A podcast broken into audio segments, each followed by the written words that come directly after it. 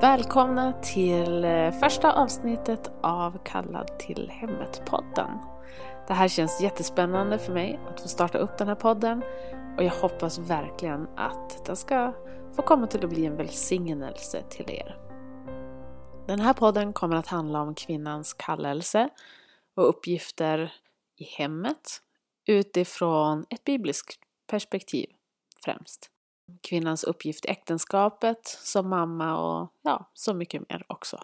Det finns mycket att säga om det här ämnet och alla små separata och enskilda delar som ibland kanske är helt självklara. Men jag tror också att jag kommer att beröra en hel del områden som kanske inte alltid känns lika självklara. Men för att ta ett litet sidospår så här första avsnittet så tänkte jag börja med att berätta lite mer om mig själv så ni vet vem jag är.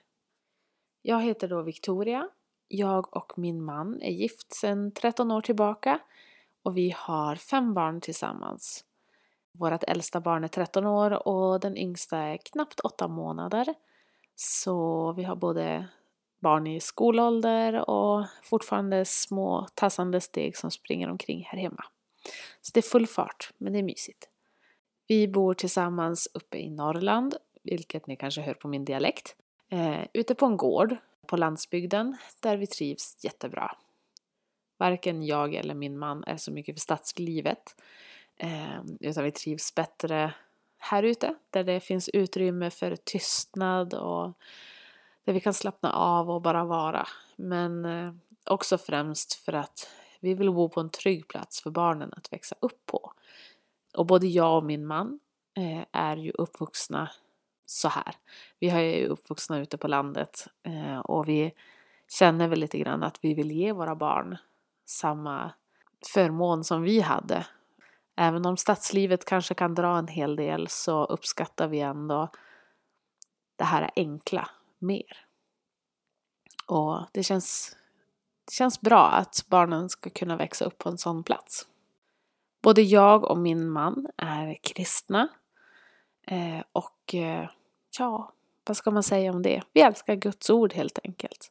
Det är en otroligt stadig grund att bygga sitt liv på, bygga sitt äktenskap på och bygga familjen på. Så vi ser verkligen välsignelsen i våran tro när det kommer till familjelivet. Och vi hoppas att vi ska kunna föra vidare det till våra barn så att de kan växa upp med samma trygghet i sitt liv. Ehm, att de är aldrig ensamma. Att oavsett vad som händer genom deras uppväxt och allting så finns Gud alltid där. Men nog om mig. Nu går vi tillbaka till att eh, berätta lite mer om den här podden.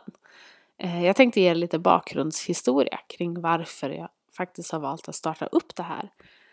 För egentligen är inte jag någon poddmänniska direkt. Jag lyssnar på oerhört få poddar och eh, ja, jag är inte van att spela in sånt här själv. Så att det här är helt nytt för mig men jag kände ändå att det är någonting som jag till slut ville göra. Men egentligen så började allting mycket tidigare än den här podden.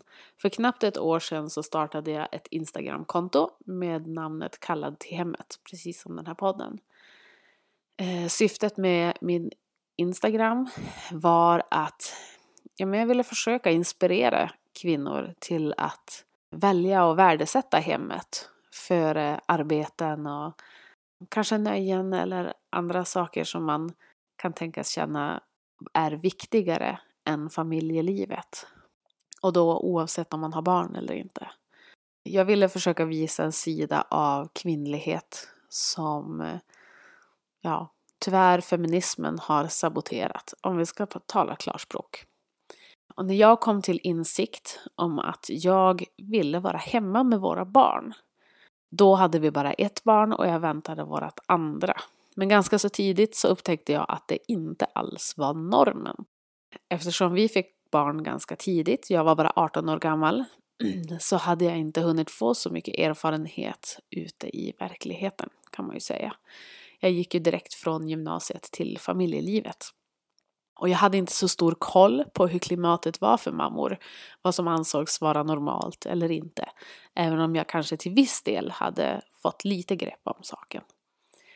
Eh, men det jag visste var att jag gillade mammalivet och jag drogs eh, till det faktum att vi som föräldrar borde uppfostra våra egna barn.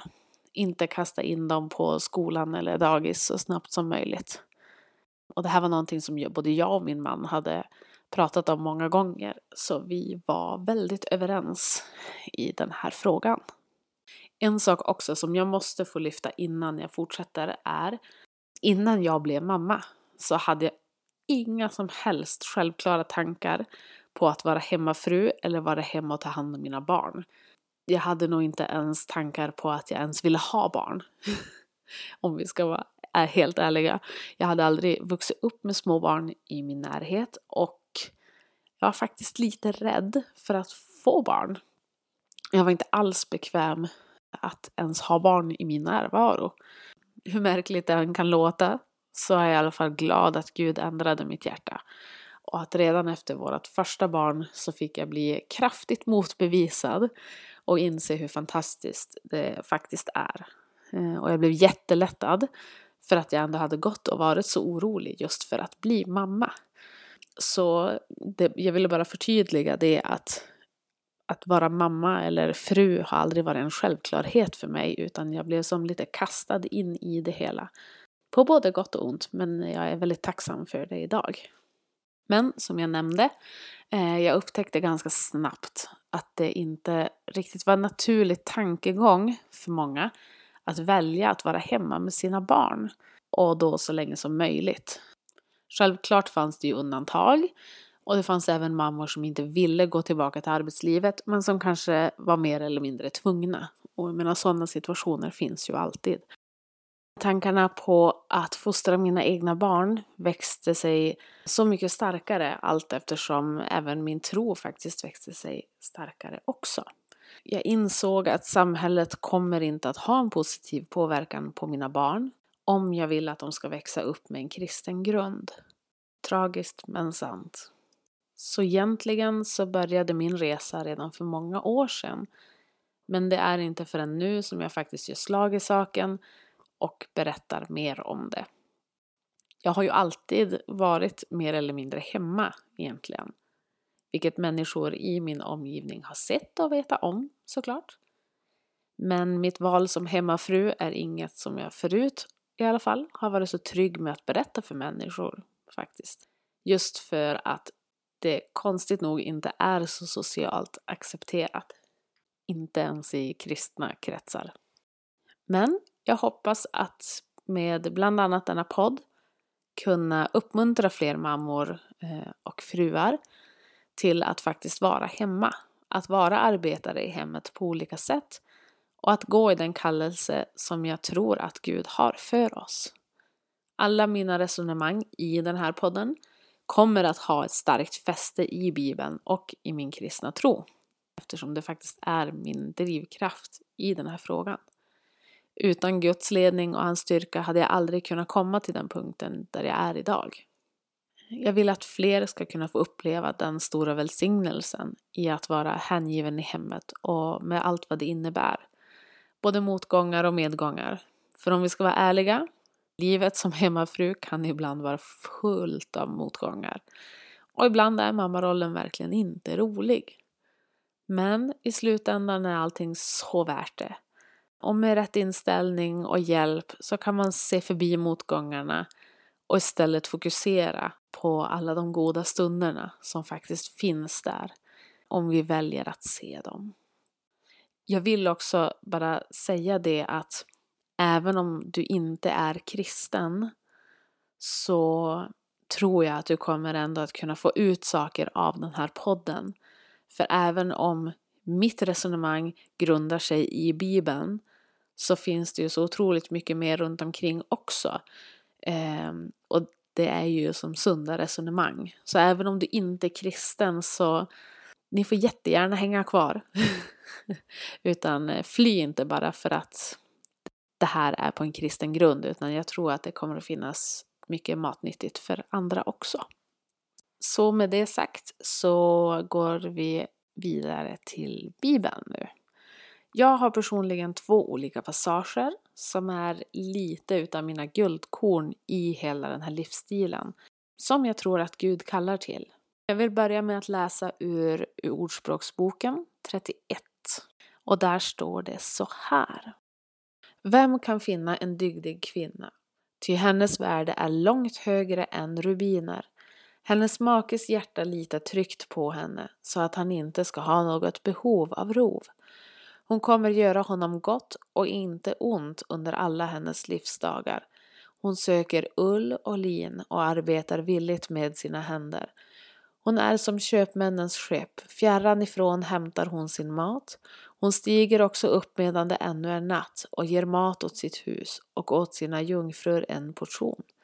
Hon överväger ett fält och köper det. Med sina händers frukt planterar hon en vingård. Hon spänner om sina länder med styrka och gör sina armar starka. Hon ser att hennes handel är god, hennes lampa släcks inte ut om natten. Hon greppar tag i spinnrocken med sina händer och hennes händer håller i sländan. Hon sträcker ut sin hand till den fattige, ja, hon räcker fram sina händer åt den arme. Hon fruktar inte för snön för sitt hushåll, ty alla av hennes hus är klädda med scharlakan. Hon gör sig dekorerade överkast, hennes kläder är silke och purpur. Hennes man är känd vid portarna när han sitter bland landets äldste. Hon gör fint linnetyg och säljer det och förser köpmannen med bälten. Styrka och heder är hennes klädnad och hon skall fröjda sig i kommande tid. Hon öppnar sin mun med vishet och har godhetens lag på sin tunga. Hon vakar över sitt hushålls vägar och äter inte lathetens bröd. Hennes barn står upp och kallar henne välsignad, också hennes man, och han prisar henne. Många döttrar har handlat dygdigt, men eh, du överträffar dem alla. Favör är bedräglig och skönhet är fåfänglig, men en kvinna som fruktar Herren, hon ska bli prisad. Ge henne av hennes händers frukt och låt hennes gärningar prisa henne vid portarna. Ja, det här är ett ganska långt eh, stycke ur ett av kapitlerna, sista kapitlet i Ordspråksboken. Och jag tror att ni ändå förstår överlagsinnehållet. Här pratas det om en hårt arbetande kvinna i hemmet. Eh, jag kommer inte gå in så mycket i detalj på bibelorden just i detta avsnitt utan det kommer längre fram. Men läs gärna själv också och kolla upp alla detaljerna och be över ifall det är någonting du inte förstår eller att Gud ska visa dig någonting som du kanske ännu inte har sett. För så kan det ofta vara tycker jag. Helt plötsligt så ser vi saker med nya ögon och då uppenbaras så mycket mer för oss. Men just med det här kapitlet eh, ur Ordspråksboken. Jag tycker att det är en sån bra bild på kvinnans uppgift och att kvinnan faktiskt har ett värde i det hon gör. För det tycker jag att samhället trycker ner lite och försöker det, det, kommer lite i skymundan helt enkelt. Att kvinnor som är hemma, de kanske är förtryckta eller de är lata. Ja, men ni har säkert hört jättemycket. Eh, men här ser vi att det är faktiskt en ära att få ha den här uppgiften och det är inte någonting man ska ta så lätt på. Men jag kommer att ta upp det här mer framöver så ha kvar tankarna om det är någonting. Mitt andra guldkorn som jag vill ta upp det hittar vi i Titus kapitel 2. Och jag kommer läsa från vers 3 till vers 6, så här är det inte lika mycket.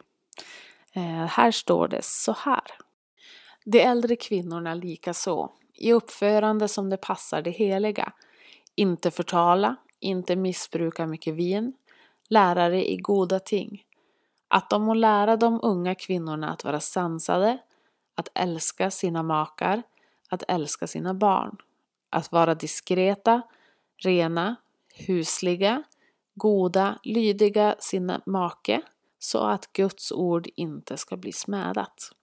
Här talas det då specifikt om äldre kvinnor, hur de ska förhålla sig när det kommer till sitt sätt att vara. Och det slår mig varje gång jag läser det här, hur mycket av det här finns kvar idag? Hur många äldre kvinnor sitter hängivet ner och verkligen är lärare i allt det goda som de ska vara lärare i? Jag tycker tyvärr att i många fall så försvinner det här lite grann i och med att så många är ute i arbetslivet och kanske inte alltid har tid till att till fullo utföra sin givna tjänst. Men förstå mig rätt. Självklart är ju hela vårt liv ett vittnesbörd till människor och det liv vi lever lär ju andra. Men jag tror också att det finns mer därtill utifrån denna text såklart. Men jag kommer även ta upp det här bibelordet mer detaljerat. Så misströsta inte, jag kommer att förklara och djupdyka lite mer i det här. Det som jag vill ta upp med er nu, ehm, det är ett ämne som kanske är lite mer känsligt och det är just feminism. Det finns mycket att säga om det och det finns nog en hel del som jag inte kommer att säga också. Men en sak är säker och det är att feminismens framfart i dagens samhälle har tyvärr inte gjort det så lätt för kvinnor som vill vara hemma. Det som jag vill börja med att lyfta är att det fort kan uppstå problem när man inte skiljer på viktiga begrepp och på bibliska principer. För någonting som är oerhört viktigt att komma ihåg i hela det här resonemanget är att det är otrolig skillnad mellan roll och värde. En kvinna kan ha exakt samma värde som en man, men ha andra uppgifter än en man. Här är ju då den stora problematiken i dagens samhälle, anser jag, eh, då man inte skiljer på de här. Eh, man skiljer inte på roll och värde. Om man ska titta på saken ur ett bibliskt perspektiv Eh, så finns det en bibelvers som många gånger faktiskt citeras när man vill försöka försvara feminismen och man anser att ja, men feminismen är ju faktiskt biblisk. Men eh, det synar jag för att här har vi den här problematiken där man inte skiljer på roll och värde. Så jag ska läsa det här bibelstället som eh, många anser försvarar feminismen. Och Jag kommer läsa Galaterbrevet 3 och jag läser från vers 26 och framåt. Ty ni är alla Guds barn genom tro i Kristus Jesus. Ty så många av er som har blivit döpta till Kristus har iklätt er Kristus. Där är varken jude eller grek, där är varken slav eller fri. Där är inte heller man eller kvinna, ty ni är alla ett i Kristus Jesus i den här bibelversen så, alltså jag är ledsen att behöva säga det, men det här handlar inte om feminismen. Här handlar det otroligt tydligt om ett, en människas värde, inte vilka roller han eller hon har. En man och en kvinna har samma värde, även om vi har olika uppgifter. I Kristus så har slav och fri samma värde, även om de faktiskt har olika roller. Jag kommer att grotta ner mig mycket mer i det här ämnet också framöver. Ehm, och jag hoppas ni kommer förstå mitt resonemang när vi fördjupar oss lite mer framöver. Men faktum är att genom feminismens framfart ända sedan slutet på 1800-talet och genom hela 1900-talet så har Guds ordningar och principer faktiskt fått offras. Kvinnans frigörelse innebär också frigörelse från Guds ord, om jag får vara lite radikal. Jag hoppas att ni kan ha lite tålamod med mig i hela det här. Eh, men hela skapelsen, syndafallet och tiden efter Jesus vittnar om Guds ordning där kvinnan faktiskt har en helt annan roll än vad samhället idag lär oss. I Korintierbrevet kan vi läsa tydligt om den ordning som Gud har instiftat och den lyder som så att först är det Gud, sen är det Kristus, mannen och sen kvinnan. I flera böcker i Nya Testamentet så kan vi hitta uppmaningen till kvinnor att underordna er era män. Och att underordna sig har ju ingenting att göra med det värde som vi kvinnor har. Vi hittar ju också i Ordspråksboken 31 att en ärbar fru, alltså en dygdig fru, är värd mer än eh, rubiner. Däremot vill jag notera här att i de svenska översättningarna så står det att en ärbar fru är värd mer än pärlor. Mm. Men i engelskans King James så hittar vi att hon är mer värd än rubiner. Intressant nog så är just rubinen en väldigt värdefull ädelsten. På den så kallade hårdhetsskalan som man använder för att mäta ädelstenar med eh, så ligger safiren snäppet över eh, rubin i hårdhet. Eh, och det är den enda i princip som är mer värdefull eh, än, rubin, än rubinen, bortsett från diamanten. Så att vara en god hustru eller fru är en oerhört värdefull roll och inte alls någonting som är mindre värt än andra saker. Att underordna sig sin man handlar inte om att vara en dörrmatta eller att ge honom rätten att bruka våld och så vidare. Bibeln lär oss också att underordna oss varandra, men också där på olika sätt. Efesierbrevet lär oss att vi ska underordna oss våra män precis så som vi underordnar oss Herren. Så det är ganska allvarligt egentligen. När vi sen läser vidare så ser vi att männen ska älska sina hustrur så som Kristus har älskat församlingen och offrat sig för den. Vilket ju också inte är en lek. Det, det är en stor kärlek som mannen ska ha för sin hustru. Och i slutet så summeras allting återigen i Efesierbrevet. Men vad er angår ska var och en älska sin hustru som sig själv och hustrun ska visa sin man vördnad. Så vi ser här att allting är ett balanserat samspel men med olika uppgifter och då såklart även underordnandet. Jag hoppas att jag har lyckats komprimera det här lagom mycket för att ni ska få en tillräckligt stor inblick i mina tankar. Och jag hoppas också att efter ni har lyssnat på det här att ni känner att ni vill fortsätta komma tillbaks till de här poddarna eh, i fortsättningen där vi kommer att djupdyka ännu mer och beröra ja, massor med ämnen. Det här är bara början tror jag.